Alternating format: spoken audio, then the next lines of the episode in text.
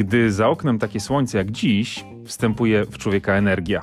Mniej więcej taka, jaką prezentują kibice na Waste Management Phoenix Open w Scottsdale w Arizonie.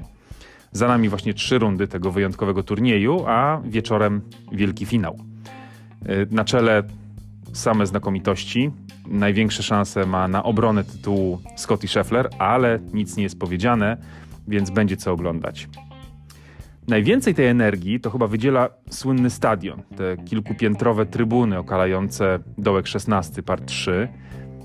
I jeśli gdzieś chcesz zrobić hole in one, będąc profesjonalnym zawodnikiem, to 16 na Stadium Course jest jednym z tych miejsc.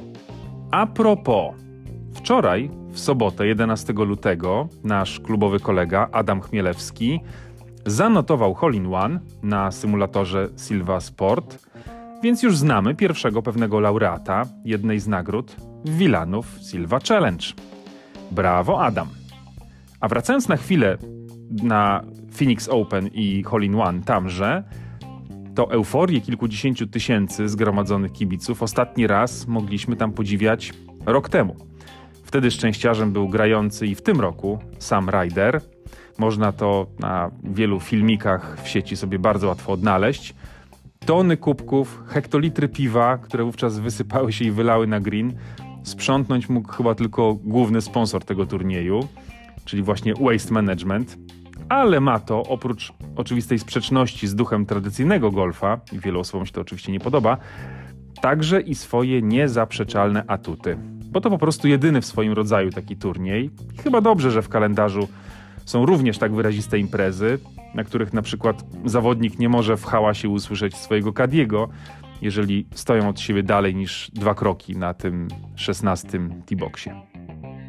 A teraz przerzucając pomost między Arizoną a Villanowem, pomyślałem, że kibice wokół greenu to jednak coś wyjątkowego. I my możemy nad tym popracować. Wydaje mi się, że powinniśmy przy okazji tegorocznych mistrzostw klubu zmobilizować się i naprawdę otoczyć 18 dołek drugiego dnia, kiedy zawody kończyć będą najlepsze grupy, pań i panów, walczące o mistrzowskie tytuły. E, nie mam tu na myśli rzucania kubkami z piwem, ale samą obecność i kibicowanie. Akurat w Czeladnej, dokąd się wybieramy, to jest bardzo łatwe, bo 18 greeny i New Course i Old Course są tuż, tuż koło domku klubowego. Zatem o wiele łatwiej podejść i obserwować niż na przykład na Sand Valley, gdzie mistrzostwa graliśmy ostatnio. Mm, bardzo to miłe, fantastyczne pole, świetny obiekt, ale tam niestety ostatniego greenu w ogóle nie widać z domku klubowego i nawet nie wiadomo dokładnie, kiedy kończą najlepsi, a podejść trzeba dobre kilkaset metrów. A więc w tym roku będzie nam łatwiej i zróbmy to, bo wrażenie dla grających jest niesamowite. Pamiętam na przykład mistrzostwa w Gradi w 2017 roku, kiedy wiele osób bezpośrednio nawet po skończonej rundzie siadało na trawiastej górce tuż ponad ostatnim greenem. Tam się tworzy taki naturalny amfiteatr można usiąść albo nawet położyć się na tej trawie i obserwować piłki, które szybują nad ostatnią wodą. No, oczywiście nie wszystkie dolatują na suchy ląd. A z punktu widzenia zawodnika, jak się staje na 18 T, to staw i tak robi wrażenie, a jeśli jeszcze spojrzymy w lewo i tam widać grupkę kibiców, obserwatorów, czekających na to, co się stanie, no to ostatnie uderzenie z T staje się naprawdę bardzo wymagające. Ale klimat jest, a frajda dla oglądających nieprzeciętna. Jeszcze bardziej utkwiła mi w głowie końcówka mistrzostw w 2020 roku w Postołowie. Wtedy już oglądałem ją z innej perspektywy, mianowicie gracza.